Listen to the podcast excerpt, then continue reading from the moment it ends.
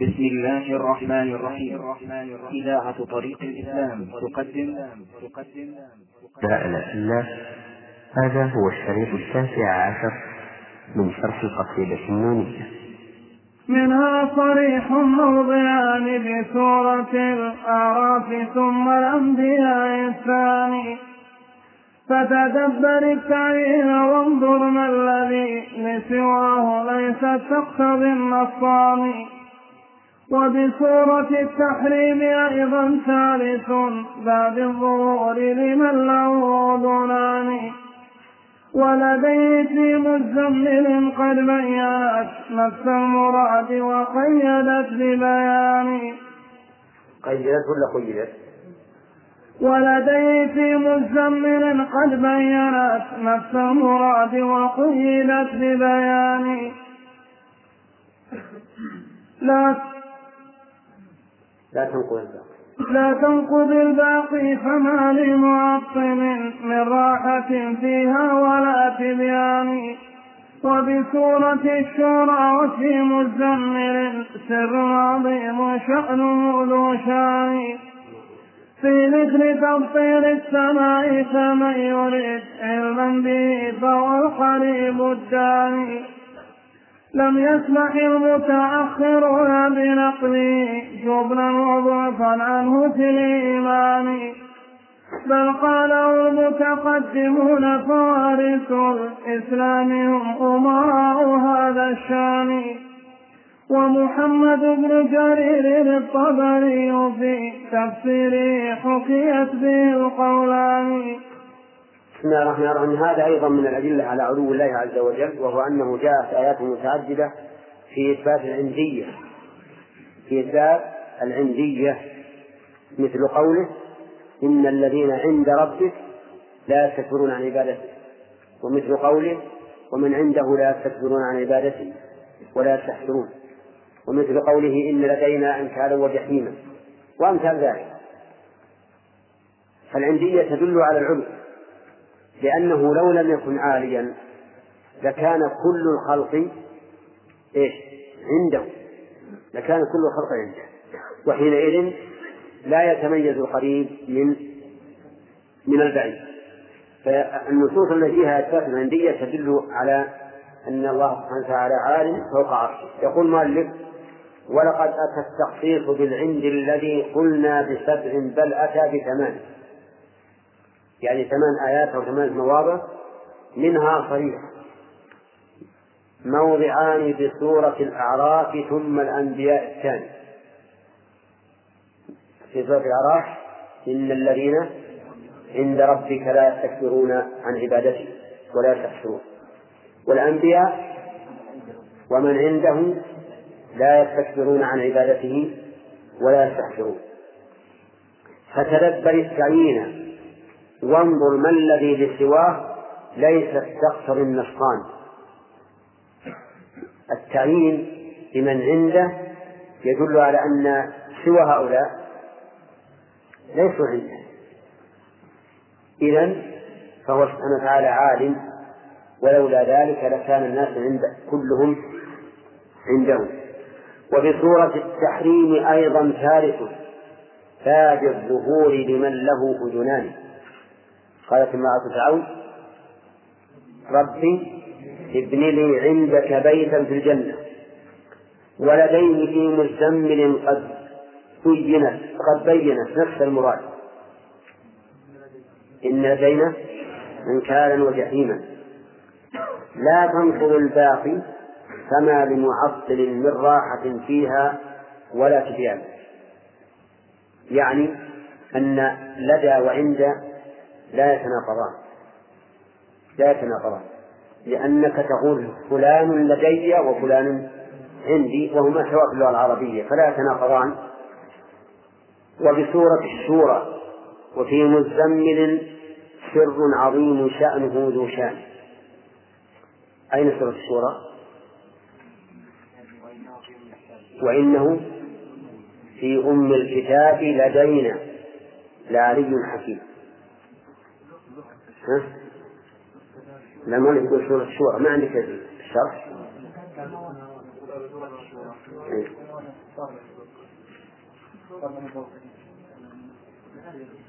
إيه. ذكر المؤلف نفسه. في في ذكره. سورة الشورى وفي مزمل سر عظيم شأنه ذو شأن في ذكر تقصير السماء فمن يرد. يعني قوله تعالى كتاب السماوات يتفطرن من فوقهن وفي سورة المزمل السماء منفطر به.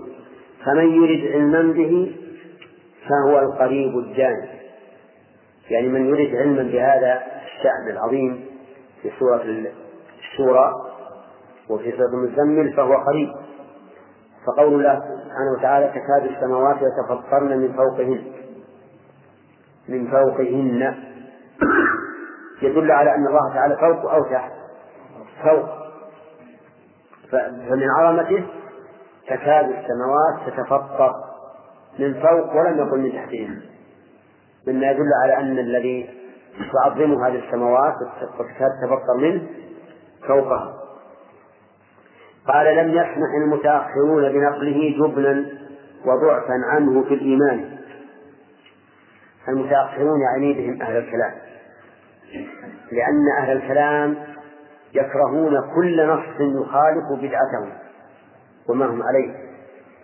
حتى قال بعضهم أتمنى أن أتمكن من حق قوله تعالى وهو السميع البصير في قول ليس كمثله شيء. لأنه إذا قال ليس كمثله شيء هي صفة نفي. وهو السميع البصير صفة إثبات. فيقول أنا أتمنى أن أتمكن من حق وهو السميع البصير. لماذا؟ لأنها جاءت على خلاف مراده. بل قاله المتقدمون فوارث الإسلام هم أمراء هذا الشأن يعني قالوا ما دل عليه قوله تعالى في كتاب السماوات يتفطرن من فوقهم ومحمد بن جرير الطبري في تفسيره حكيت فيه القولان.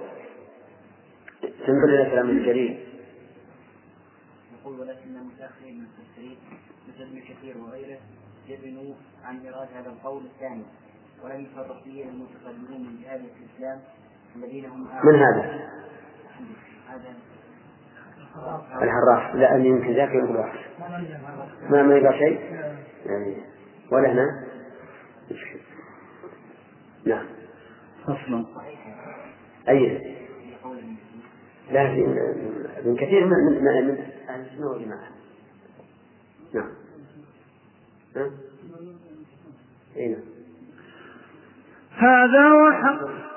إن شاء الله. نعم. هذا وحادي وعشرين الذي قد جاء في الأخبار والقرآن. إتيان رب العرش جل جلاله ومجيئه للفصل بالميزان.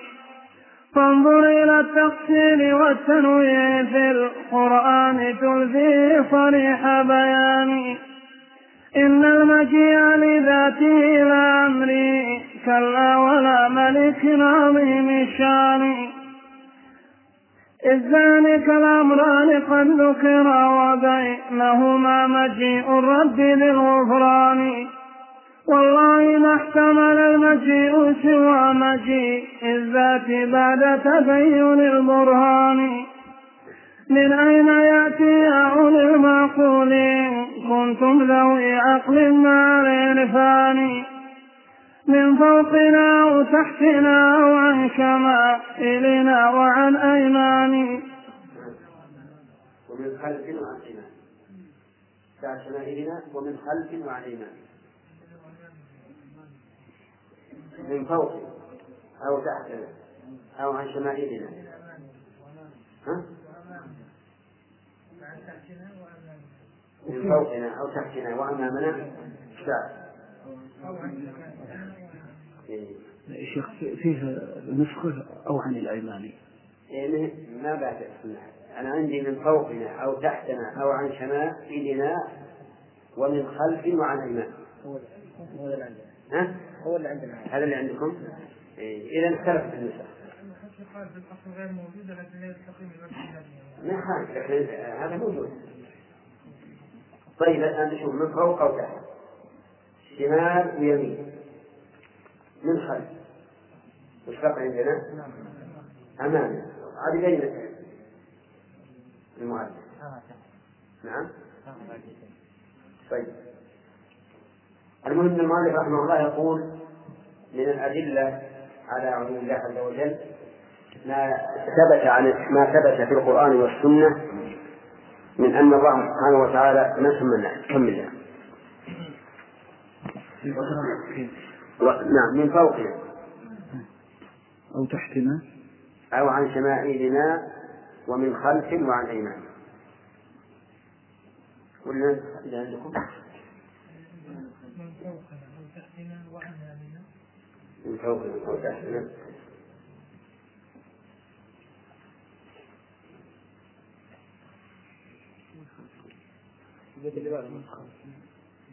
وأمامنا أو عن شمائلنا وعن أيماننا وعن يميننا من خلفنا والله لا يتحقق ويقول ثم أصاب غير موجود لكن لا يستقيم الوزن إلا بها صحيح؟ يعني الوزن يستقيم بالنسبة لعندنا أيضا. نعم. من فوقنا أو تحتنا أو عن شمائلنا ومن خلف وعن أيمان والله لا يأتيهم من تحتهم أبدا تعالى الله ذو السلطان.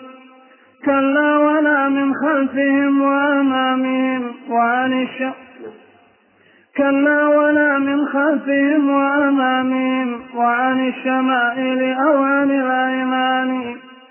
والله لا يأتيهم إلا من العلو الذي هو فوق كل مكان. هذا الدليل أو الحادي والعشرون هو الأدلة الدالة على مجيء الله سبحانه وتعالى في القرآن والسنة. فإذا ثبت أن الله يجيء للفصل بين عباده يوم القيامة فمن أين يجيء؟ نشوف من تحت لا يمكن.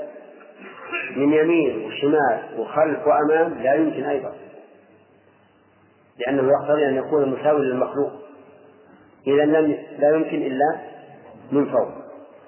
قال المؤلف هذا وحاديها وعشرين الذي قد جاء في الأخبار والقرآن إتيان رب العرش جل جلاله ومجيئه للفصل بالميزان وهذا يكون يوم القيامة. فانظر إلى التقسيم والتنويع في القرآن تلفيه صريح بيان. إن إن المجيء ويجوز أن المجيء لذاته لا أمره. كلا ولا ملك عظيم الشان. إذ ذلك الأمران قد ذكرا وبينهما وبينهما مجيء الرب ذي الغفران أين هذا؟ كلا إذا دكت الأرض دكا دكا. وجاء ربك والملك صفا صفا هنا لا يستقيم أن يقال جاء أمر ربك ولا جاء ملك من الملائكة. لأن الملائكة قد ذكرت. والآية الثانية هل ينظرون إلا أن تأتيهم الملائكة؟ أو يأتي ربك. أو يأتي بعض آيات ربك. وهذا تقسيم وتنويع واضح. أن المراد إتيان الله سبحانه وتعالى بنفسه. فإذا كان يأتي فيقول والله ما احتمل المجيء سوى مجيء الذات بعد تبين البرهان. ثم قال من أين يأتي؟ يا أولي المعقول إن كنتم ذوي عقل مع العرفان من فوقنا أو تحتنا أو عن شمائلنا ومن خلف وعن أيمان والله لا يأتيهم من تحتهم أبدا تعالى الله ذو السلطان. كلا ولا من خلفهم وأمامهم وعن الشمائل أو عن الأيمان والله لا يأتيهم إلا من العلو الذي هو فوق كل فوق كل مكان. وهذا واضح. نعم. فصل في الإشارة إلى ذلك من السنة. واذكر حديثا في الصحيح تضمنت كلماته تكذيبا للبهتان. لما قضى الله الخليقة ربنا كتبت يداه كتابا للإحسان. وكتابه هو عنده وضع على العرش المجيد الثابت الأركان. إني أنا الرحمن تسبق رحمتي غضبي وذاك لرأفتي وحناني. ولقد أشار نبينا في خطبة نحو السماء بأصبع وبنان. مستشهدا رب السماوات العلى ليرى ويسمع قوله الثقلان. أتراه أمثال السماء أتراه أمثال السماء مستشهدا أم للذي هو فوق ذي الأكوان ولقد أتى في رقية المرضى عن الهادي المبين أتم ما تبيان. نص بأن الله فوق سمائه فاسمعه إن سمحت لك الأذنان. ولقد أتى خبر رواه عمه العباس صنو أدين الإحسان أن السماوات العلى من فوقها الكرسي عليه العرش أن السماوات العلى من فوقها الكرسي عليه العرش للرحمن. والله فوق العرش ينظر خلقه فانظره إن سمحت لك العينان واذكر حديث حسين بن المنذر ثقة الرضا أبا عمران. إذ قال ربي بالسماء لرغبتي ولرهبتي أدعوه كل أواني فأقره الهادي البشير ولم يقل أنت المجسم قائل بمكاني بل جهيت بل شبهت بل جسمت لست بعارف الرحمن. هذه مقالتهم لمن قد قال ما قد قاله حقا أبو عمران. فالله يأخذ حقه منهم ومن أتباعهم فالحق للرحمن. واذكر شهادته لمن قد قال لمن قد واذكر شهادته لمن قد قال ربي للسماء بحقيقة الإيمان. قال رب. بعد الراء والباء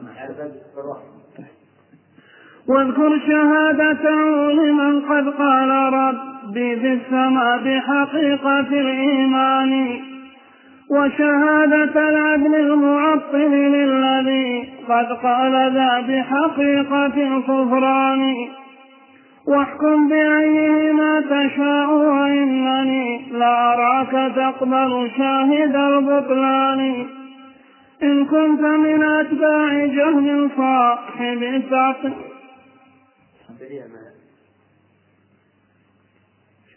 أقول أنت تسريع ما تقول على الشطر.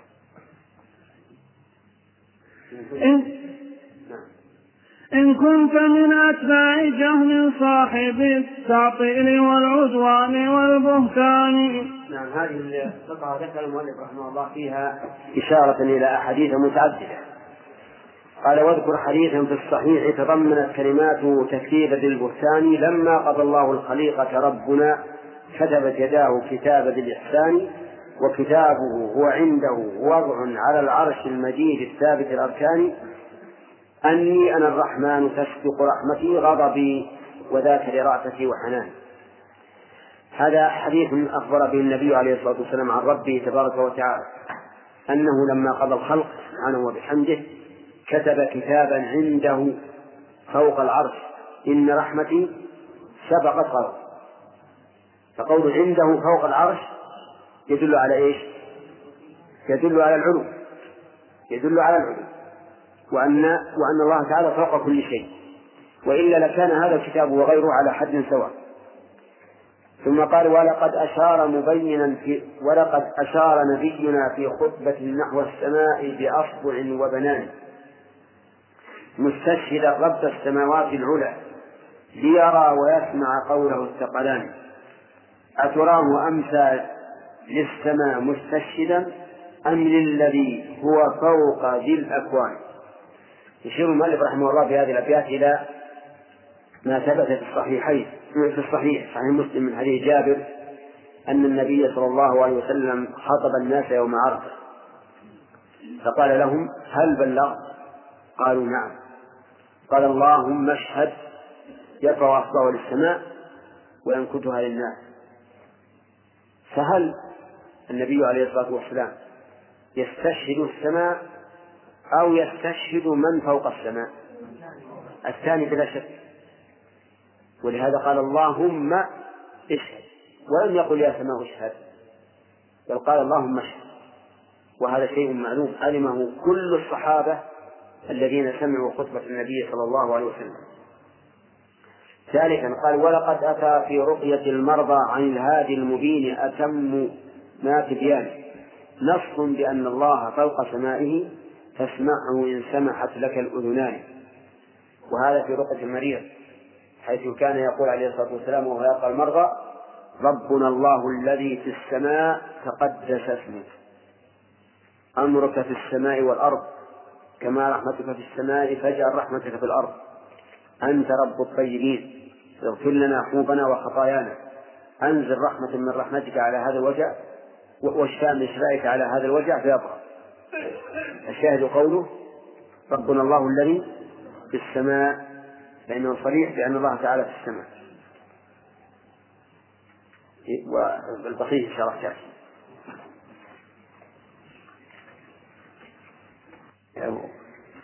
قرأت الفصل هذا؟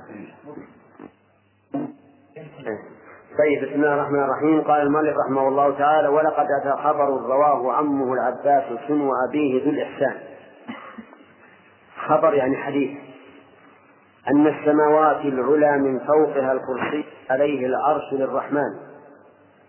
والله فوق العرش ناظر خلقه ينظر خلقه فانظره يعني انظر الحديث إن سمحت لك العينان.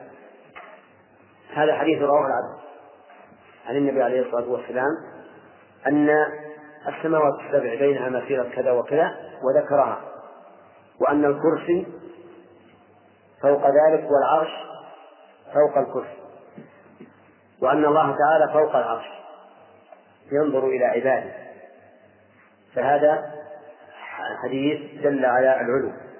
واذكر حديث حسين بن المنذر الثقة الرضا أعني أبا أبا عمران. عمران بن حسين معروف مشهور وأبوه حسين.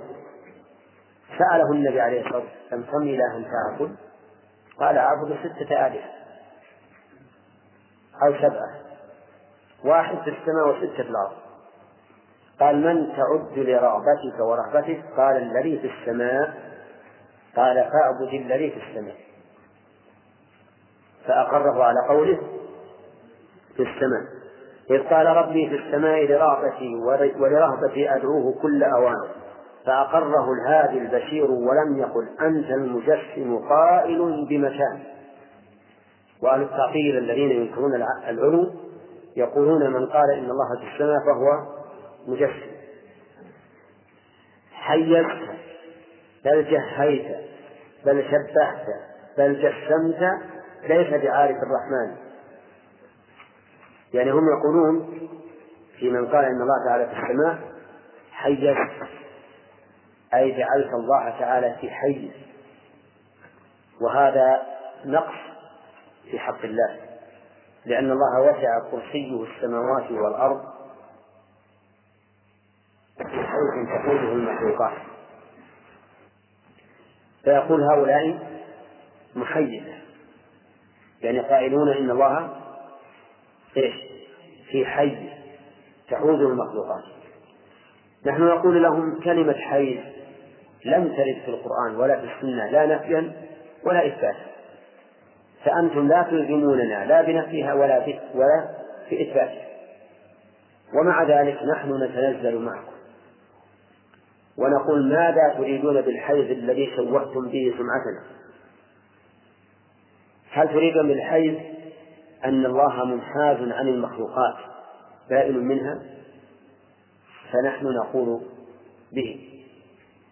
نقول به. هل تريدون بالحيث أن الله تعالى منحاز في المخلوقات؟ يعني أنها تحوز وتحوط به فنحن لا نقول به. لا نقول به. حينئذ نقول لنا نظران في الحيث أولا من جهة لفظه فالواجب علينا لا أن لا نثبته ولا نفيه لأنه لم يرد إثباته ولا نفيه. ثاني من جهة معناه فإن أردت أن الله في حيز يحوز فهذا قول منكر ولا نقول به. وإن أردت أن الله منحاز عن المخلوقات سائل منها ليس حالا فيها فهذا حق. طيب بل جحيت جحيت يعني قلت إن الله في جهة. ويا ويل من قال إن الله في جهة. مع أن الرسول عليه الصلاة والسلام قال أين الله؟ وأين يستفهم بها عن المكان؟ لكنهم يقولون أي إنسان يثبت العلو له فهو مثبت للجهة. نقول في الجهة كما قلنا في الحيز تماما. بالنسبة لللفظ يلا. لا هذا. أنت بالنسبة لللفظ ما فيه أراد ولا ما أراد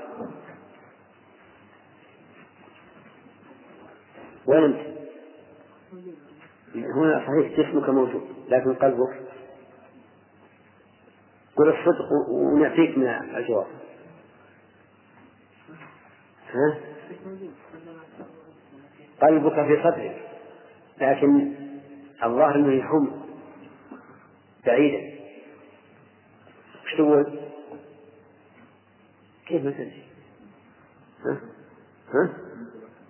ما انتبهت طيب هذا صدق أنت لا ننفيه ولا نثبته ما نقول الله في جهة ولا في جهة هذا لا لا لا تلزمنا به لأن الله لم يثبته لم يثبته لنفسه ولا نفاه عن نفسه ونحن في غنى عنه عن الكلام فيه. لكن تنزلا معك نقول إن أردت جهة تحيط بالله فهذا منكر. ولا نريده ولا نقول به. وإن أردت أن الله في العلو فالعلو عدم يعني ما في شيء يحيط بالله. ليس فوق العالم إلا إيش؟ إلا الله. ما في شيء يحاذي الله عز وجل. فإذا أردت أن الله في جهة أي في العلو في جهة العلو الذي لا يحيط به شيء من مخلوقاته فهذا هذا حقيقة. نوافقك عليه. هذا باعتبار إيش؟ باعتبار المعنى. أما في اللفظ يا إخواني فلا فليس لنا فليس علينا بل وليس لنا أن نثبته أو ننفيه لأنه لم يرد إثباته ولا نفيه. طيب. بل شبه شبه يقول إذا قلت إن الله في العلو فأنت مشبه. لأن العلو الذاتي لا يقوم إلا بجسم والأجسام متماثلة. هنا نقول لا نوافقكم على هذا نحن لا لا ننفي التشبيه المطلق ولا نثبته. لأن التشبيه المطلق لم يقل به أحد من الناس أبدا. حتى الكفار ما يقولون به. التشبيه المطلق معناها التساوي من كل وجه. هذا لا أحد يقول به. يعني لا ما أحد لا أحد من الناس قال إن الخالق مشابه للمخلوق من كل وجه. حتى المجوس الثانوية الذين يقولون إن للعالم خالقين لا يقولون بتساويهما. أي بتساوي هذين الخالقين.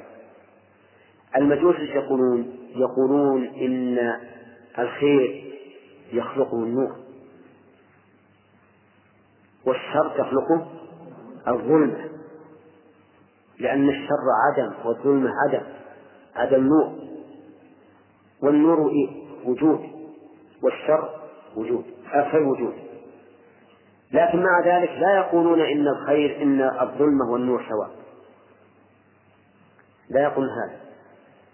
يقول بعضهم النور قديم والظلمة حادثة. إذا لا تساوي. النور لا شك أنه أمر مرغوب. والظلمة مكروهة. إذا لا تساوي. الظلم ينتج الخير. قص النور ينتج الخير. والظلمة تنتج الشر فلا يتساويان في آثارهما وتأثيرهما. إذا لم يقل أحد من الخلق إن الخالق والمخلوق مشابه متشابهان من كل وجه تشابها مطلقا. عرفتم الله وإن أردتم بالتشبيه الاشتراك في أصل المعنى فهذا حق. هذا حق. فالخالق والمخلوق بينهما اشتراك في أصل المعنى في الصفات. الحياة في الأصل معنى مشترك. السمع في الأصل معنى مشترك. لكن فرق بين حياة الخالق وحياة المخلوق وفرق بين سمع الخالق وسمع المخلوق. حينئذ ظنكم إيانا بالمشبهة غير مقبول. هذه دعوة. منكم يقول أنت المجسم. نعم. بل جسمت. جسمت يعني قلت إن الله جسم. قلت إن الله جسم. الذي يثبت لله صفة يقول هو مجسم. إذا قلت إن لله يدين قال هذا تسليم. لله وجه. قال هذا مجسم. هذا تسليم. فنقول لهم أولا ليس لكم أن تلزمون بالقول بالجسم أو بنفيه لأنه لم يرد نفيا ولا إثباتا وليس علينا بل ولا لنا أن نثبت أو ننفي. لكن في المعنى نقول ماذا تريدون بالجسم الذي شوهتمون به؟ هل تريدون أن أن نقول إن الله جسم مشابه للأجسام؟ يعني مركب من عظم وعصب ولحم ودم فهذا منكر. ولا نقول به.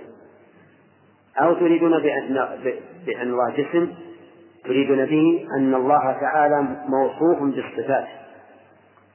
وقابل للصفات. فهذا إيش؟ حق ولا ولا غير حق؟ حق لا شك. فهو سبحانه وتعالى موصوف بالصفات. يستوي على العرش وينزل ويأخذ بيده عز وجل ويضحك وله وجه وله يد وله عينان هذا حق ونقول به وما الذي يضر؟ ما الذي يضرنا من هذا؟ فإذا هم والعياذ بالله يشوهون مذهب أهل السنة بمثل هذه الكلمات لأن لأن الله تعالى لما أرسل الرسل جعل أعداءهم يناددونهم بهذه الزخارف من القول ففي سورة الأنعام يقول يقول الله عز وجل وكذلك جعلنا لكل نبي عدوا شياطين الإنس والجن يوحي بعضهم إلى بعض زخرف القول غرورا. ولو شاء ربك ما فعلوا فذرهم وما يفعلون. وكذلك جعلنا لكل نبي لكل نبي عدوا من المجرمين. ولاحظوا أن عدو الرسول عدو لأعداء الرسول. فالمشركون في عهد الرسول أعداء له وكذلك من خالفوا هديه إلى يومنا هذا هم أعداء لنا. يقولون مثل ما قال الأولون. طيب. يقول لست بعارف الرحمن. إذا من العارف على زعمهم؟ هم العارفون. هم الذين يعرفون الله. وأنه لا يوصف بصفة الكمال. نعم. هذا معرفتهم لربه. يعني لا يسمع ولا يبصر ولا يتكلم ولا يحب ولا يكره ولا يرضى. هل الذي يصف الله في هذا في هذا النفي عارف لله؟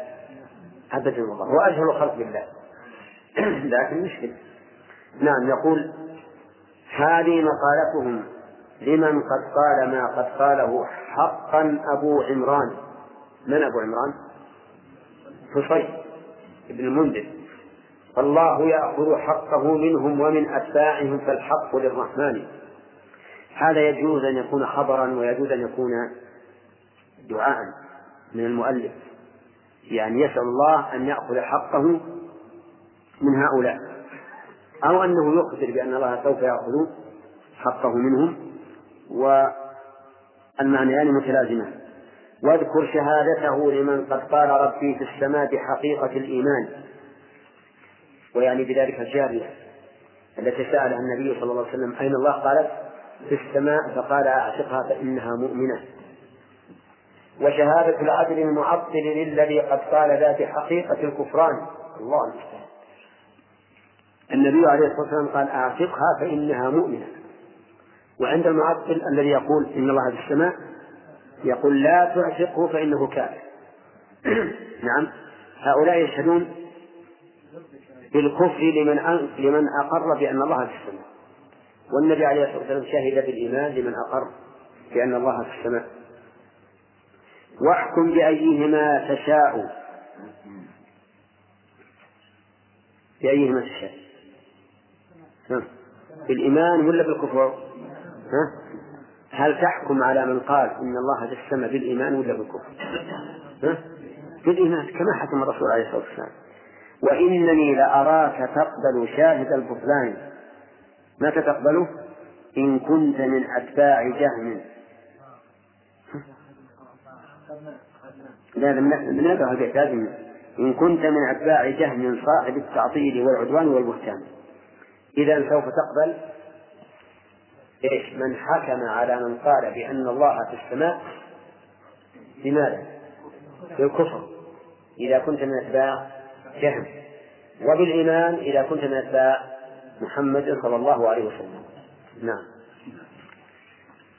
واذكر حديثا لابن واذكر حديثا لابن إسحاق الرضا ذاك الصدوق الحافظ الرباني.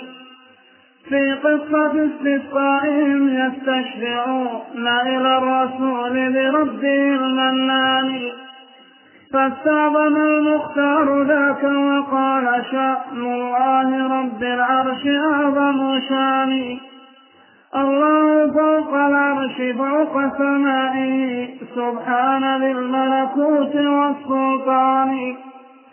ولعرشه منه عطيط مثل ما قد أبصر رحل الراكب العجلان لله ما لقي ابن إسحاق من الجهل. لله ما لقي ابن إسحاق من الجهل إذ يرميه بالعدوان. ويظل يمدحه إذا كان الذي يروي يوافق مذهب الطعام. كم قد رأينا منهم أمثال ذا فالحكم لله العلي الشان. هذا هو التقذيف لا التقذيف بزرع ولا كيل ولا ميزان. هذا أيضا أشار المؤلف إلى حديث رواه روي من طريق ابن إسحاق. ووصف ابن القيم ابن إسحاق بأنه صدوق حافظ رباني. والمعروف أن ابن إسحاق رحمه الله من المدلسين. وأنه إذا لم يصرح بالتحديث فحديثه مدلس ضعيف. وإن صرح بالتحديث فاختلف العلماء فيه. فمنهم من ضعفه ضعف الرجل وقال إنه لا يحتج به على أنهم يحتجون به في التاريخ والأخبار. ومنهم من قال إن إن حديثه حسن محتج به.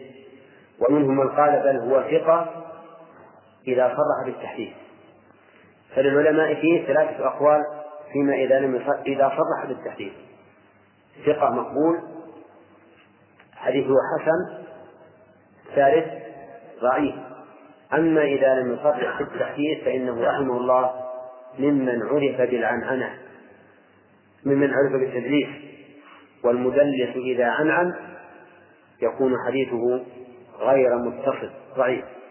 على كل حال وأشار المؤلف إلى حديث أن رجلا جاء يستسقي بالنبي عليه الصلاة والسلام يقول إننا نستشفع بالله عليك وبك على الله. ذكر الأعرابي جملتين. نستشفع بالله عليك ونستشفع بك على الله. الجملة الثانية صحيحة. والجملة الأولى خطأ عظيم. ولهذا سبح النبي عليه الصلاة والسلام جعل يسبح سبحان الله سبحان الله سبحان الله حتى عرف ذلك في وجوه أصحابه. فقال له ويحك إن شأن الله أعظم من ذلك. إنه لا يستشفع بالله على أحد من خلقه وإنه على عرشه وإن له أي, العرش أطيطا كأطيط الرحل. الأطيط الصرير والرحل الشاب الذي يشد على البعير. فتجد البعير إذا كان محملا يكون للرحل. نعم. صرير يصرصر هذا الحديث ضعفه أكثر أهل العلم. لكن ابن القيم رحمه الله صححه لعله لشواهده. على كل حال نقول إنه لا يجوز لأحد أن يقول إني أستشفع بالله عليك. إني أستشفع بالله عليك. هذا لا يجوز. لماذا؟ لأن الشافع منزلته دون المشفوع إليه. الشافع منزلته دون المشفوع إليه. لأنه لو كانت منزلته أعلى لكان يأمر ما يشفع. فإذا قلت أستشفع بالله عليك فقد جعلت مرتبة الله عز جل وعلا دون مرتبة المشفوع عنده. وهذا شيء عظيم. ولهذا قال الرسول إنه لا يستشفع بالله على أحد من خلقه. لكن إذا قلت أستشفع بك على الله وكان حيا يقدر أن يدعو لك فهذا لا بأس به. قال النبي عليه الصلاة والسلام ما من رجل مسلم يموت فيقوم على جنازته أربعون رجلا لا يشركون بالله, شيئا إلا شفعهم الله فيه. يعني جعلهم شفعاء. هذا مما يدل أيضا على العلم يقول فاستعظم المختار ذاك وقال شأن الله رب العرش أعظم شأنه. استعظم إيش؟ كونهم يستشفعون بالله إلى الرسول. الله فوق العرش فوق سمائه سبحان ذي الملكوت والسلطان. ولعرشه منه عطيط مثل ما قد أبطى رحل الراكب العجلان. ثم قال لله ما لقي ابن إسحاق من الجهمي إذ يرميه بالعدوان ويظل يمدحه إذا كان الذي يروي يوافق مذهب الطعام يقول إن ابن إسحاق إذا روى ما يخالف مذهب المعطل نعم رماه رماه بالقدح والسب والشتم. وإذا روى ما يوافقه قال هذا هو الرجل الثقة العبد الثبت. نعم؟ لأنه يوافق هواه فيقول ابن القيم كم قد رأينا منهم أمثال ذاك الحكم لله العلي الشان؟ هذا هو التطبيق. لا التطفيف في ذرع ولا كين ولا ميزان. ويل للمطففين الذين إذا اكتالوا على الناس يستوفون وإذا كلوهم أو وزنوهم يخسرون. فالذي لا يقبل الحق إلا إذا وافق هواه ويرده إذا خالف هواه. هذا مطفف. هذا أعظم من تطفيف الكيل والوزن. والذر نعم. واذكر حديث نزوله نصف الدجى في ثلث ليل آخر أو ثاني فنزول رب ليس فوق سمائي في العقل ممتنع وفي القرآن. واذكر حديث الصادق ابن رواحة في شأن جارية لدى الغشيان فيه الشهادة أن عرش الله فوق الماء خارج هذه الأكوان. والله فوق العرش جل جلاله سبحانه عن نسل البهتان. ذكر ابن عبد البر باستيابه هذا وصححه بلا نكران. هذا أيضا حديث ذكره المؤلف الأول حديث النزول. إلى السماء الدنيا في نصف الليل. والنزول عقلا لا يكون إلا من من أعلى. لأنه لا يمكن أن يقال نزل إلا إذا كان عاليا. يقول واذكر حديث نزوله نصف الدجى يعني نصف الليل في ثلث ليل آخر أو ثاني فنزول رب العرش فنزول رب ليس فوق سمائه في العقل ممتنع وفي القرآن. نعم لا يمكن. أن ينزل إلا من إلا من أعلى. ولكن يجب أن نعلم أن نزول الله إلى السماء الدنيا لا يعني أنه يزول وصفه بالعلو فهو نازل عالي عز وجل لأن الله ليس كمثله شيء في جميع صفاته. ولكن هل يخلو منه العرش؟ لأن العرش لأن الاستواء ليس صفة ذاتية أو لا يخلو منه العرش؟ في هذا ثلاثة أقوال لأهل العلم. فعندنا فقول يقول يخلو منه العرش. والقول الثاني يقول لا يخلو منه العرش. والثالث التوقف. فلدينا مسألتان. المسألة الأولى هل إذا نزل ينتفي عنه العلو؟ الجواب لا. لا يمكن. لأن العلو صفة ذات والصفة الذاتية لازم. لا ينفك الله عنها. هل يخلو منه العرش؟ لأن الاستواء العرش صفة فعل يفعلها ما تشاء نقول في المسألة ثلاثة أقوال للعلماء. فمنهم من قال نعم يخلو منه العرش. ومنهم من قال لا. وهذا الثاني اختيار شيخ الإسلام ابن تيمية رحمه الله. أنه لا يخلو منه العرش. والله على كل شيء قدير. يكون نازلا إلى السماء الدنيا وهو على عرشه لأن الله لا يشبهه شيء. ومنهم من قال بل نتوقف أو نسكت. والصواب عندي أننا نسكت. ولا نتكلم بهذا إطلاقا. لأن هذا لو كان التفصيل فيه خير لكان الصحابة أول من يسأل الرسول عليه الصلاة والسلام. فالصواب أن نسكت عن هذا ونعرض عنه. طيب يقول واذكر حديث الصادق بن رواحة في شأن جارية لدى الغشيان فيه الشهادة أن عرش الله فوق الماء خارجها والله فوق العرش جل جلاله سبحانه عن نفي ذي البهتان حديث ابن رواحة هو أن عبد الله عبد الله بن رواحة عنده جارية فدخلت عليه امرأته فأخذت السكين لأنها غارت كيف تجامع الجارية؟ فغارت منها. فقال على مهل. أتحبين أن أقرأ عليك؟ ومعروف أن الجنوب لا يقرأ القرآن. قالت نعم اقرأ. قال شهدت بأن وعد الله حق وأن النار مثوى الكافرين وأن العرش فوق الماء طائم وفوق العرش رب العالمين. الشاهد قوله؟ وفوق العرش رب العالمين. لما قرأ على البيتين قال خلاص ما فيه ما في دماء. لأن الجنب لا يقرأ القرآن. فظنت أن هذين البيتين قرآن. فهدأ غضبه. فأخبر عبد الله بن رواحة النبي صلى الله عليه وسلم بذلك. فأقر على قوله وأن العرش فوق الماء قائم وفوق العرش رب العالمين. طيب يقول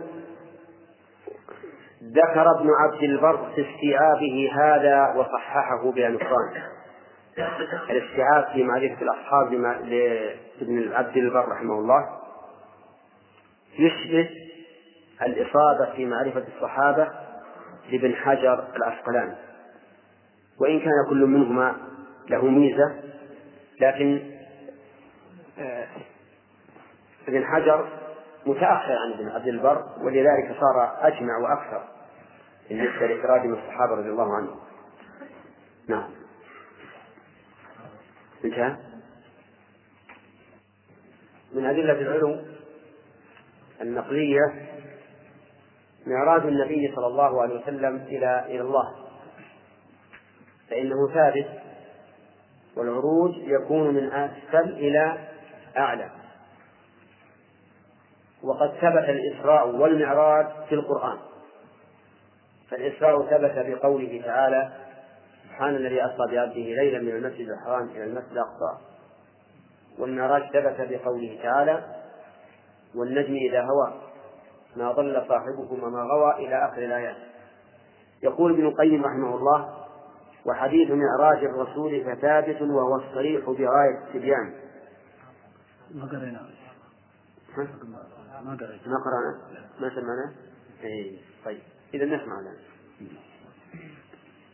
وحديث معراج الرسول فثابت وهو الصريح بغاية التبيان وإلى إله العرش كان عروجه لم يختلف من صحبه رجلان.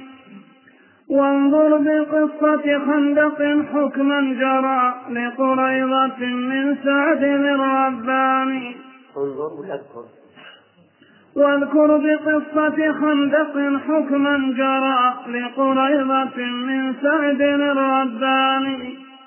شهد الرسول بأن حكم إلهنا من فوق سبع وفقه بوزان. واذكر حديثا للبراء رواه أصحاب المساند منهم الشيباني. وأبو عوانة ثم حاكمنا الرضا وأبو نعيم الحافظ الرباني. وأبو عوانة ثم حاكمنا الرضا وأبو نعيم الحافظ الرباني.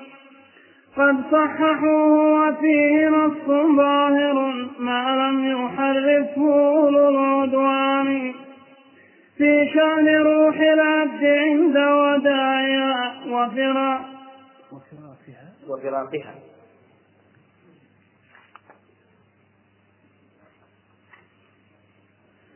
في شأن روح العبد عند وداعها وفراقها لمساكن الأبدان.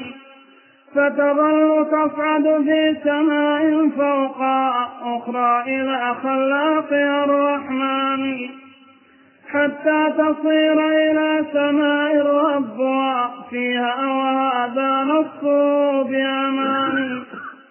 واذكر حديثا في الصحيح وفيه تحذير لذات البال من هجران من سخط رب في السماء على التي هجرت بلا ذنب ولا عدوان.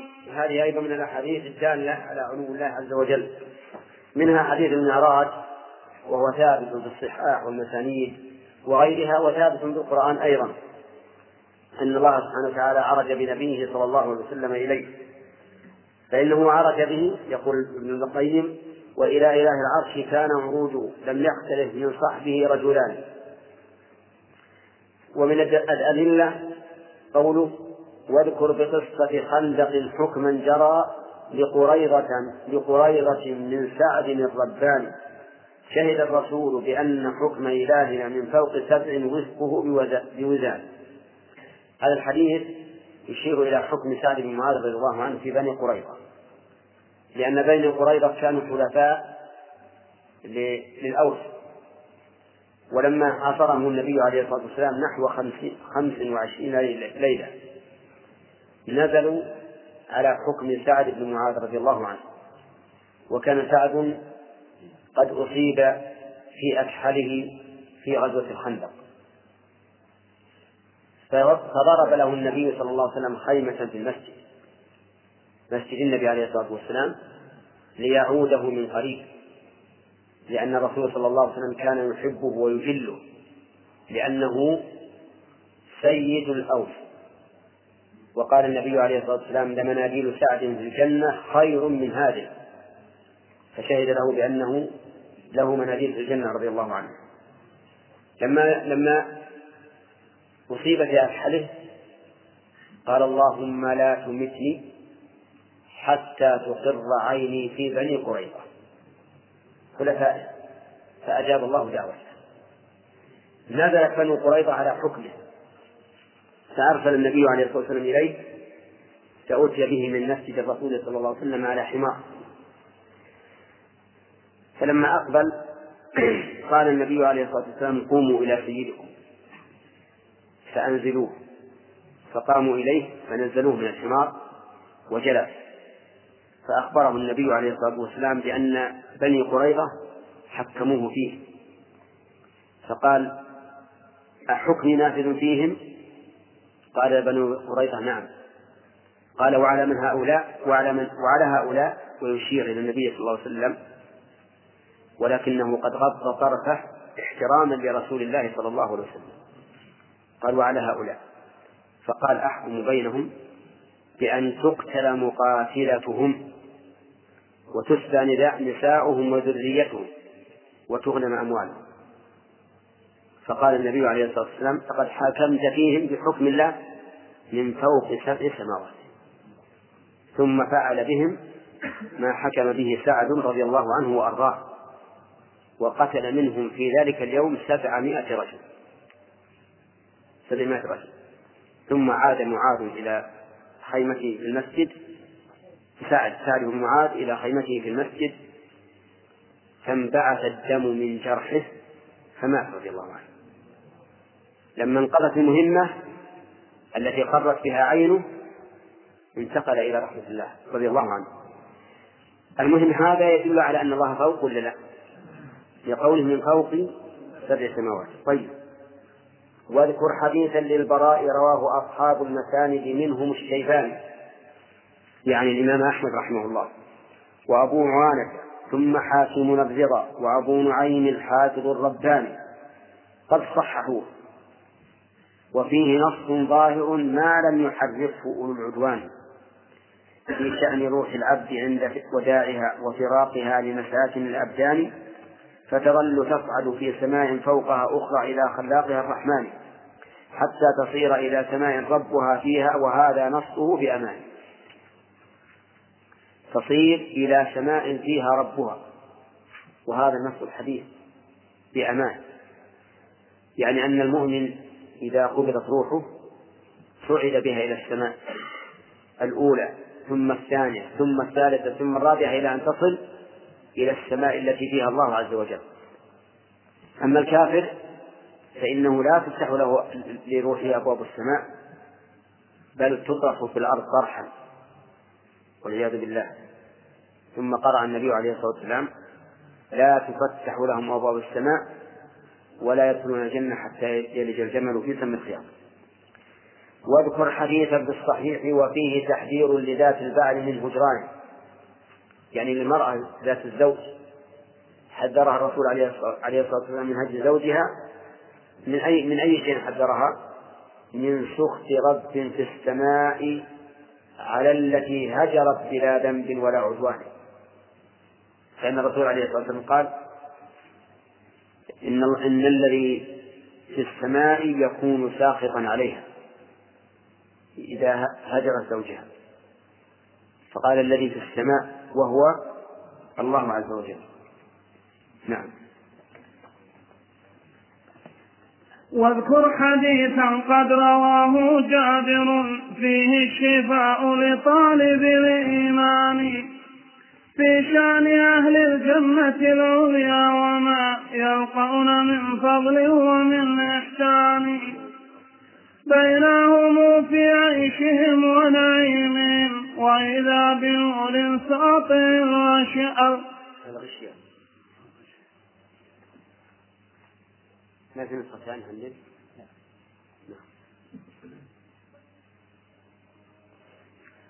بينهم في عيشهم ونعيمهم وإذا بنور ساطع الغشام لكنهم رفعوا إليه رؤوسهم فإذا هو الرحمن ذو الغفران فيسلم الجبار جل جلاله حقا عليهم وهو ذو الإحسان.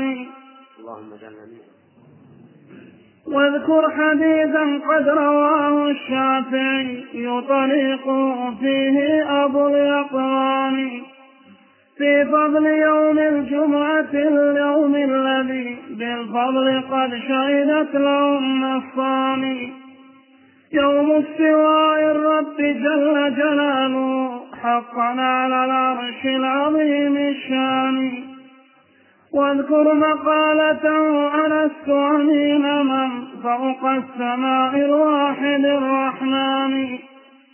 واذكر حديث أبي رزين ثم سقه بطوله كم فيه من عرفان والله ما لمعطل بسماعه أبدا قوى إلا على النكران.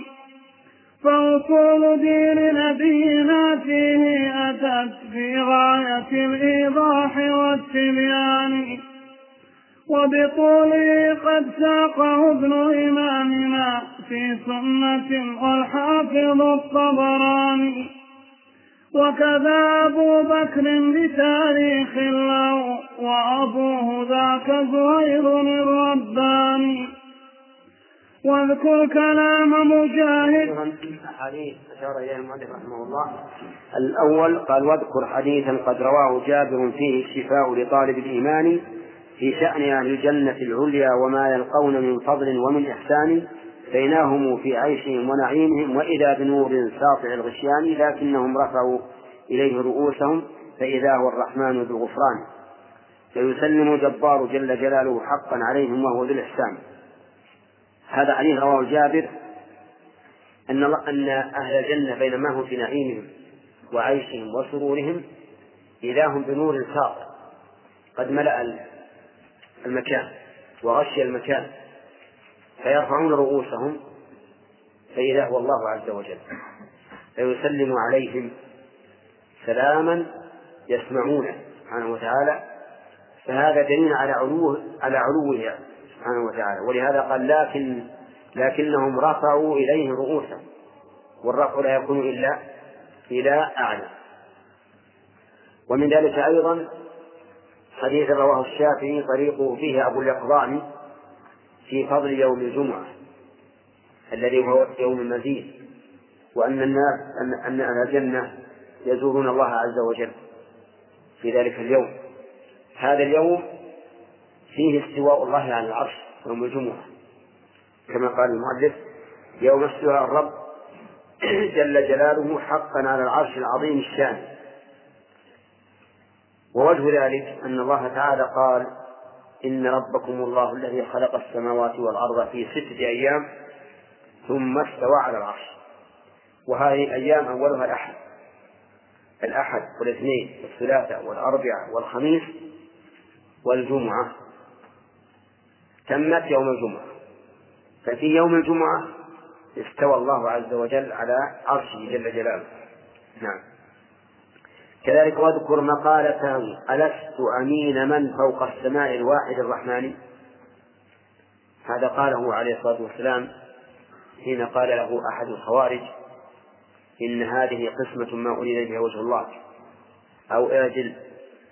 قال وكذلك أيضا قسم ذهيبة بين أصحابه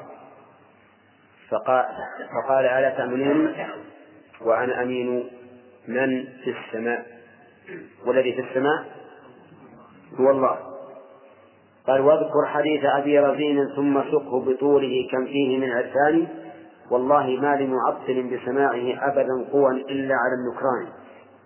فأصول دين نبينا فيه أتت في غاية الإيضاح والتبيان. وبطوله قد ساقه ابن إمامنا في سنة سنة لابن الإمام أحمد عبد الله رحمه الله. والحافظ الطبراني. وكذا أبو بكر بتاريخ له وأبوه ذاك زهير الرباني فهؤلاء كلهم ساقوا الحديث بتمامه. وهو عندكم أظن في شرح ابن عيسى. نعم؟ اسمعني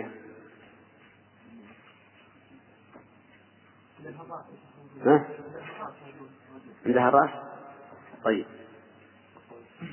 بسم الله الرحمن الرحيم. أخرج الشافعي رحمه الله في مسنده من حديث أنس بن مالك رضي الله عنه قال أتى جبريل أتى جبريل رسول الله صلى الله عليه وسلم بمرآة بيضاء. لا لا مهاي لا حديث أبي رزين الظاهر في شرح ابن يوسف.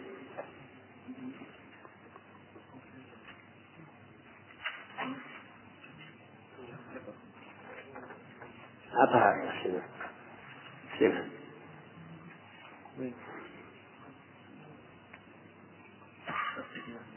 حديث ابي رزين ساقه الذهبي في كتاب العلوم فقال حديث سمعناه من أحمد بن ابن ابن هبة الله وجماعة عن محمد بن عبد الواحد.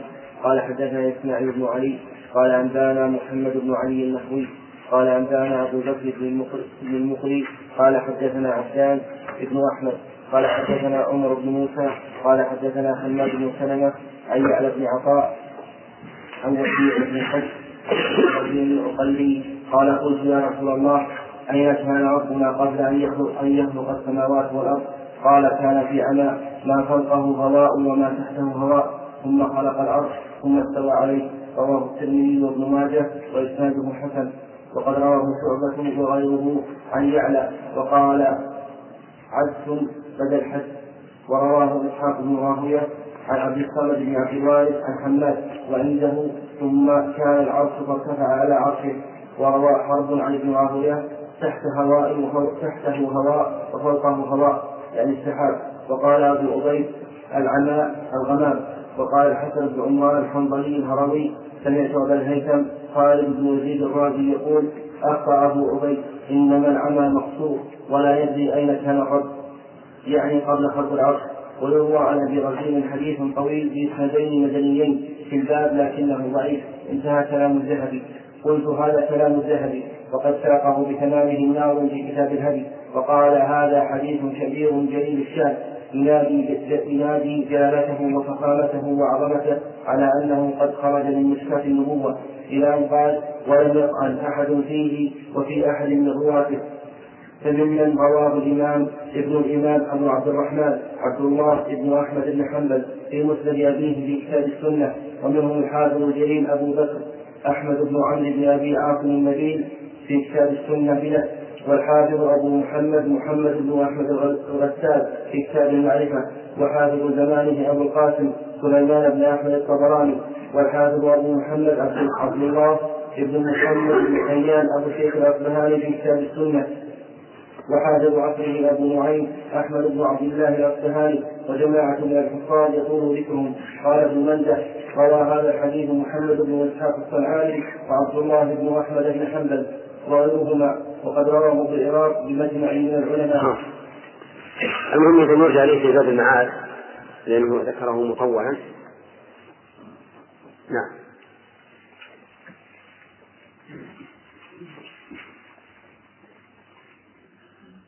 واذكر كلام مجاهد في قولي أقم الصلاة وتلك في سبحاني في ذكر تفسير المقام لأحمد ما قيل ذا بالرأي والحسبان.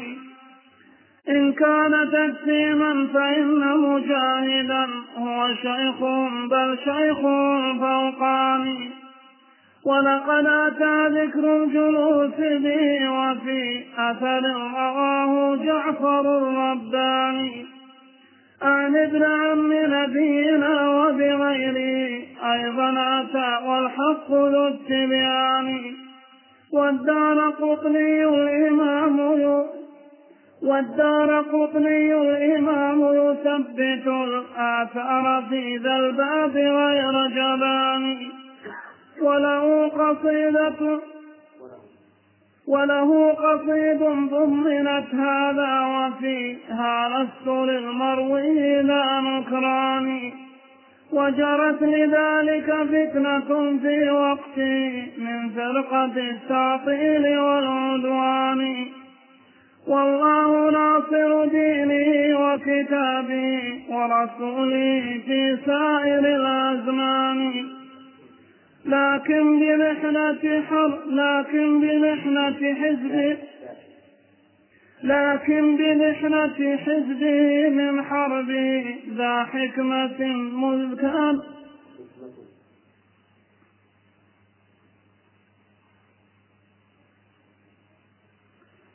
لكن بمحنة حزبه من حربه ذا حكمة مذ كانت الفئتان وقد اختصرت على يسير من كثير فائت للعد والحسبان. ما كل هذا قابل التأويل بالتحريف فاستحيوا من الرحمن. هذا أيضا من الأدلة ما ذكره مجاهد في قوله تعالى أقم الصلاة لدلوك الشمس. إلى غسق الليل وقرآن الفجر. إن قرآن الفجر كان مشهودا ومن الليل فتهجد به نافلة لك عسى أن يبعثك ربك مقاما محمودا. ذكر أن من المقام المحمود أن الله سبحانه وتعالى يجلس نبيه محمدا صلى الله عليه وسلم على عرشه.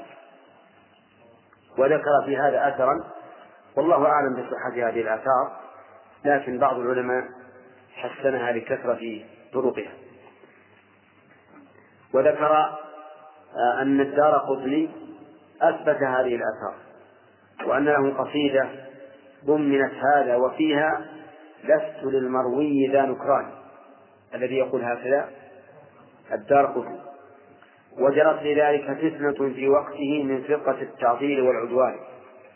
وهذه الفتنة يقول الشارحون للقصيدة إنهم لم يعلموا عنها شيئا. ثم قال المؤلف هذه الأبيات المفيدة المهمة. قال والله ناصر دينه وكتابه ورسوله في سائر الأزمان. لقوله تعالى إنا لننصر رسلنا والذين آمنوا في الحياة الدنيا ويوم يقوم الأشهاد.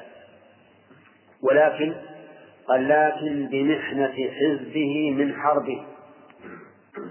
بمحنة حزبه من حربه.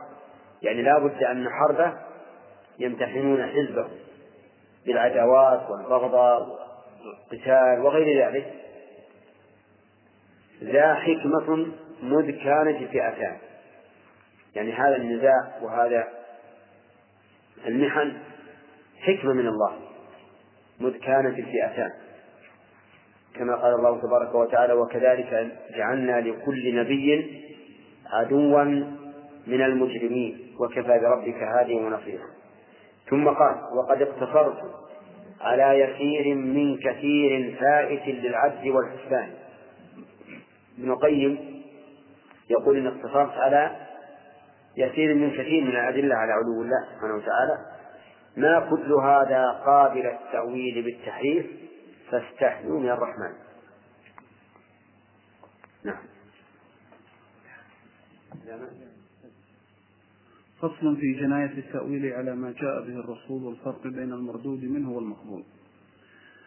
هذا وأصل بنية الإسلام من تأويل ذي التحريف والبطلان وهو الذي قد فرق السبعين بل زألت ثلاثا قول ذي البرهان وهو الذي قتل الخليفة جامع القرآن. وهو الذي قتل الخليفة جامع القرآن ذا النورين والإحسان. وهو الذي قتل الخليفة بعده عن عليا قاتل الأقران.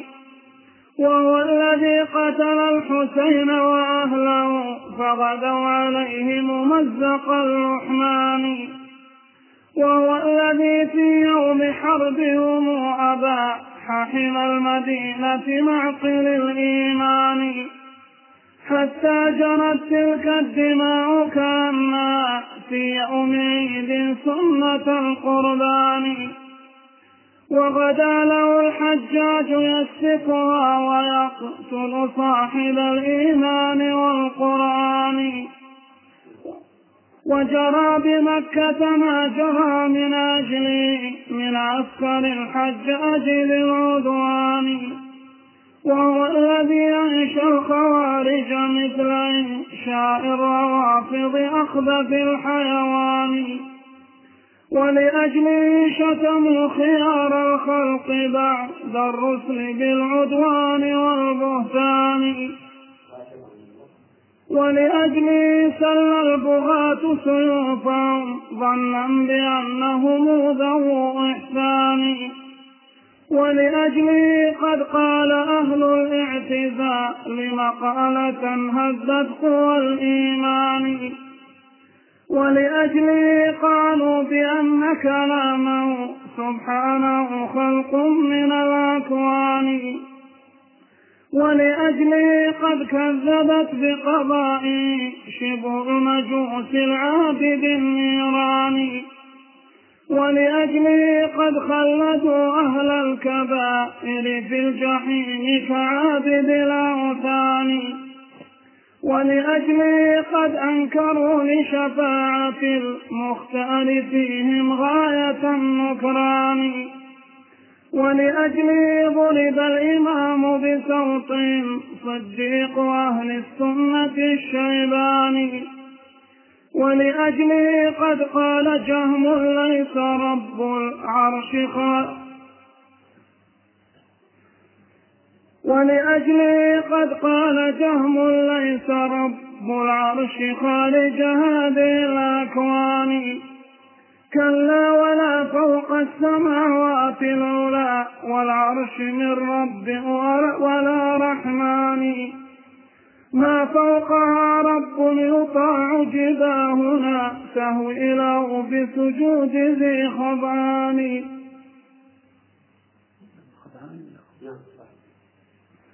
ولأجله جحدت صفات كماله والعرش أخلوه من الرحمن. ولأجله أثنى الجحيم وجنة المأوى مقالة كاذب فتان ولأجله قالوا الإله معطل أزلا بغير نهاية وزمان. ولأجله قد قال ليس لفعله من غاية هي حكمة الديان.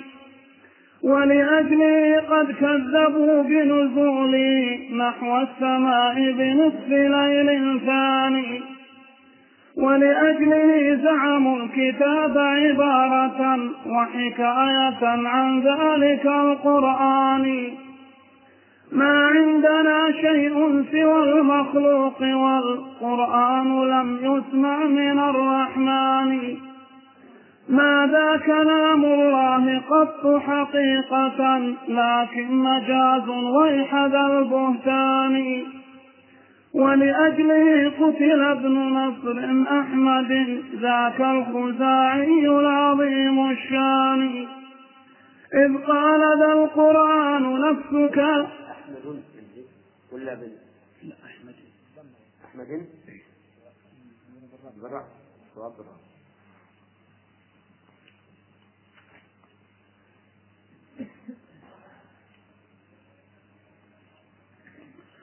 ولأجله قتل ابن نصر أحمد ذاك الخزاعي العظيم الشان.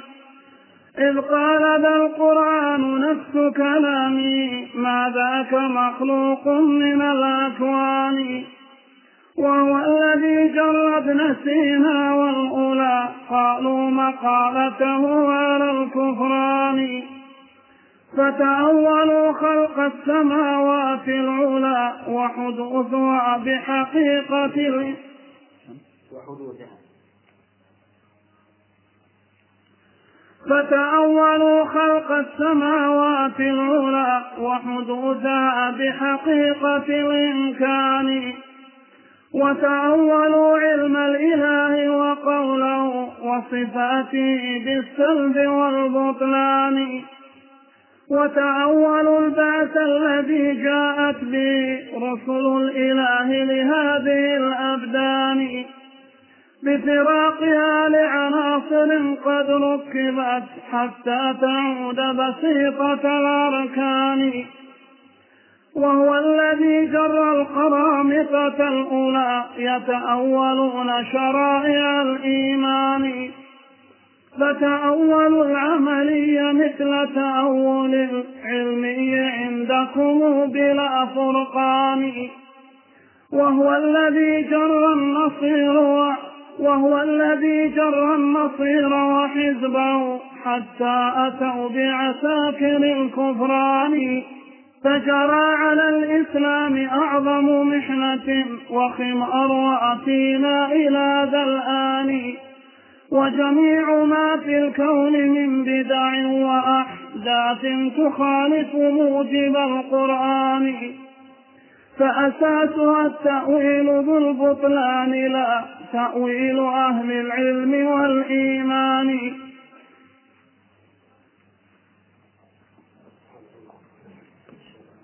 الإسلام وما حصل فيه من مخالفات ومعاصي وبدع وقتل وسلب ونهب كل من التأويل. هذا في من ينتسب للإسلام. أما من من لم ينتسب فأصل بلية الإسلام منه أنه عدو للإسلام. لكن المنتسب للإسلام ما جاءت البلية للإسلام إلا بسبب تأويل. وقال المؤلف للتحريف والبطلان. أما تأويل من ليس بمحرف كما سيأتي إن شاء الله فليس في الإسلام منه بلية. وهو الذي قد فرق السبعين بل زاد الثلاثا قول ذي البرهان يعني فرق الأمة إلى ثلاث وسبعين فرقة. مع أن الواجب أن هذه الأمة الإسلامية تكون فرقة واحدة. لكن التأويل التأويل الذي هو تأويل أهل التحريف فرق الأمة إلى ثلاث وسبعين فرقة. وهو الذي قتل الخليفة جامع القرآن ذا النورين والإحسان. يعني بذلك عثمان بن عفان الذي قتله التأويل. لأن الذين ثاروا عليه وألبوا عليه شعبه وأمته وكانوا متأولين يدعون أنه فسق. بزعمهم أنه ولى من لا يصلح للولاية مثل عبد الله بن أبي صرف وغيره فقالوا إن هذا الرجل فسق وبعضهم قال إنه كفر. فجمعوا عليه الناس واقتحموا بيته وقتلوه وهو يقرأ كتاب الله رضي الله عنه وأرضاه. قال جامع القرآن. نعم هو الذي جمع القرآن. الجمع الثاني. لأن الجمع الأول كان في عهد أبي بكر رضي الله عنه. لكنه جمعه وكان الناس يقرؤونه على سبعة أحرف ويختلفون في قراءته. فلما خاف عثمان رضي الله عنه من الفتنة بذلك جمعهم على حرف واحد وهو حرف قريش أي لغة قريش. وأحرق ما سواه من المصاحف. وأوجب على الأمة أن يقتصروا على لغة قريش فقط. فكان في هذا جمع للأمة وائتلاف بينها. يشكر عليه رضي الله عنه وجزاه عن أمة محمد خيرا. وقال ذا النورين يعني صاحب النورين. وذلك أن النبي صلى الله عليه وسلم زوجه ابنتيه. زوجه ابنتيه. رقية وأم كلثوم. ولهذا قال بعض أهل السنة إذا افتخر الرافضة بأن علي بن أبي طالب زوجه النبي صلى الله عليه وسلم ابنته فإنه يفتخر عثمان بأنه زوجه ابنتين الثنتين قال والإحسان نعم لأنه رضي الله عنه جهز جيش العسرة. جهز جيش العسرة. مئة بعير في أحداثها وأقتابها. ولما قال النبي عليه الصلاة والسلام من يشتري هذه البئر بئر أرومة وتكون له جنة اشتراها عثمان بحر ماله رضي الله عنه. فقد أحسن إلى الأمة الإسلامية بتجهيز الجيوش واستعداد الماء لهم. وهو الذي قتل الخليفة بعده أعني عليا قاتل الأقران رضي الله عنه. أيضا علي بن أبي طالب قتله الخوارج الذين خرجوا عليه بعد أن كانوا معه في صفه لكنهم تنكروا والعياذ بالله عليه وخرجوا عليه وقتلوه في الكوفة وهو خارج إلى صلاة الصبح يدعو إلى الصلاة رضي الله عنه. الصلاة الصلاة. فقتلوه فقتل شهيدا. ودفن في قصر في قصر الإمارة في الكوفة. ومن نعمة الله أن قبره لم يكن معروفا. ليس معروفا. لأنه قتل في دفن في قصر الإمارة خوفا عليه. أن يخرجه الخوارج من قبره في المقبرة ويمثلون به. هو الذي قتل الخليفة. بأي شيء؟ بالتويل لأنهم قالوا إنك لما قبلت التحكيم مع معاوية رضي الله عنه كفرت. وحل دمه فقتلوه في هذا التأويل وهو الذي قتل الحسين وأهله فغدوا عليه ممزق اللحمان اللحمان. حسين بن علي بن أبي طالب رضي الله عنه قصته معروفة مع أهل العراق. غدروا به وقتلوه حتى مزقوه تمزيقا والعياذ بالله ومثلوا به ولكنه ليس كما يزعمون بعض الناس أن رأسه دفن في دمشق وبعضهم قال دفن في العراق وبعضهم قال دفن في مصر فكان لهذا الرجل ثلاثة رؤوس نعم رأس في العراق ورأس في الشام ورأس في مصر. فتبارك الله أحسن الخالقين هذا الرجل ليس له إلا رأس واحد. ولم ولم ينقل رأسه إلى غير مكانه. أبدا. وأنتم تعرفون في الأول المواصلات صعبة. صعبة. ثم إنه في ذلك الوقت بالذات فتن. فتن عظيمة. من الذي يستطيع أن ينقل رأسه إلى إلى إلى الشام أو إلى مصر؟ طيب وهو الذي في يوم حربهم أباح حمى حمى المدينة معقل الإيمان حتى جرت تلك الدماء كأنها في يوم عيد سنة القربان سنة القربان. الله هذا يوم الحرة. المدينة استبيحت واستحلت ثلاثة أيام. وقتل فيها عالم كثير من الأنصار الذين آووا النبي صلى الله عليه وسلم ونصروه. واستبيحت المدينة انتهكت الأعراب مدينة الرسول عليه الصلاة والسلام. كل ذلك بالتأويل وأنه يجوز الخروج على يزيد فحصل بذلك الشر العظيم والفتن العظيم وكذلك يقول وغدا له الحجاج يسفكها ويقتل صاحب الإيمان والقرآن. هذا عندكم؟ ما في بيت قبل هذا؟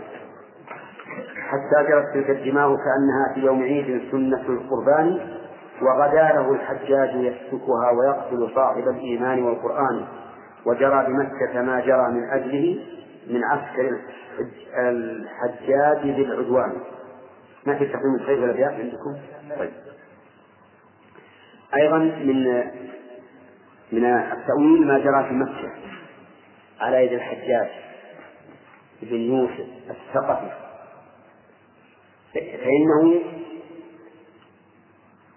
قاتل أهل مكة وحاصرهم ونصب المنجنيق ورمى به الكعبة وانهدم بعض جدرانها ودخل مكة وقتل من قتل فيها حتى قتل عبد الله بن الزبير رضي الله عنه ومثل به وعلقه كل هذا بسبب التأويل ما هو التأويل؟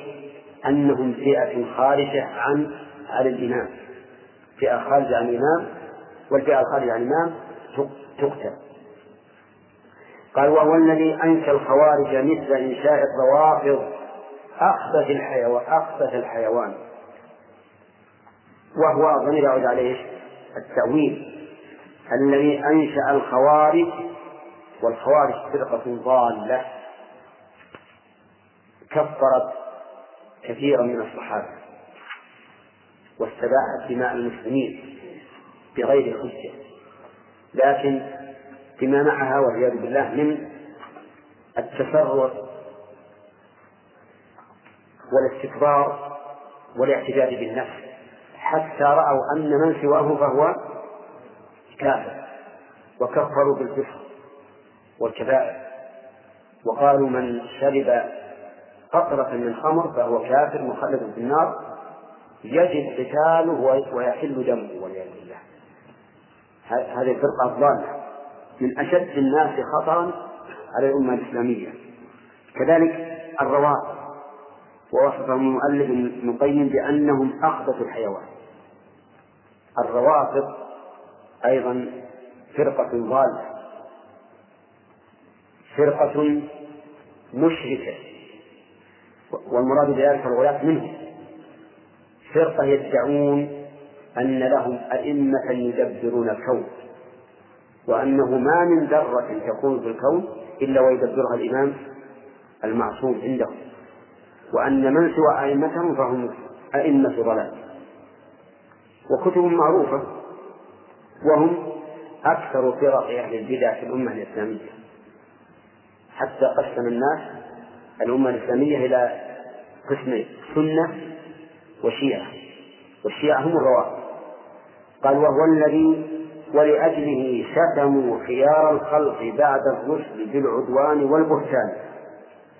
لأجله أي التأويل شتموا أي الروافض خيار الخلق بعد الرسل بالعدوان والبهتان. من هم؟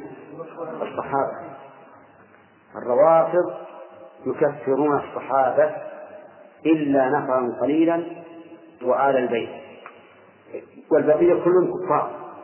حتى إنه بعضهم يصرح بأن أبا بكر وعمر كافرة ومات على النفاق ولا شك أن هذا القول لازمه من أفضل اللوازم لأنه قدح في الله وقدح في الرسول عليه الصلاة والسلام وقدح في الشريعة. وقدح وقدح في خيار الخلق هذا هذا المذهب يلزم منه هذه اللوازم الباطلة. قدح في الله حيث جعل أصحاب رسوله هؤلاء القوم الفسقة الفجرة الخونة والعياذ بالله.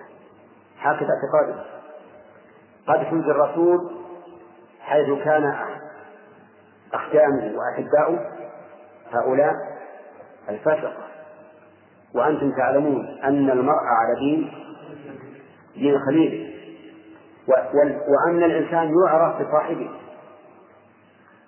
يقال ماذا تقول بفلان؟ الله فلان يصحب أناس أشابه أناس أشابه هذا قدح فيه ولا غير قدح؟ قدح فيه إذا يستلزم القدح بالصحابة القدح برسول الله صلى الله عليه وسلم. هو قدح في الشريعة. لأن الوسيلة التي نقلت إلينا الشريعة هم الصحابة. فإذا كانوا فجرة فسقة أو كفارا فكيف نثق بالشريعة؟ إذا لا ثقة لنا بها. هو قدح أيضا في الصحابة الذين هم خير القرون بشهادة النبي صلى الله عليه وسلم لهم. وسبحان الله العظيم أعمى الله بصائرهم. كيف تمر بهم الآيات القرآنية؟ الواضحة في أن الصحابة رضي الله عنهم خير الأمة محمد رسول الله الذين معه أشداء على الكفار وحماء بينهم تراهم ركعا سجدا يبتغون فضلا من الله ورضوانه. والسابقون الأولون من المهاجرين والأنصار والذين اتبعوه بإحسان رضي الله عنهم ورضوا عنه. لقد رضي الله عن المؤمنين إذ يبايعونك تحت الشجرة. لا يستوي منكم من أنفق من قبل الفتح وقاتل. أولئك أعظم درجة من الذين أنفقوا من بعد وقاتلوا وكلا وعد الله الحسنى والآيات في هذا كثيرة. أيها الإخوة وبنهاية هذه المادة نودعكم ونلقاكم إن شاء الله في إصدارات قادمة. مع تحيات مؤسسة الاستقامة الإسلامية للإنتاج والتوزيع في عنيزة.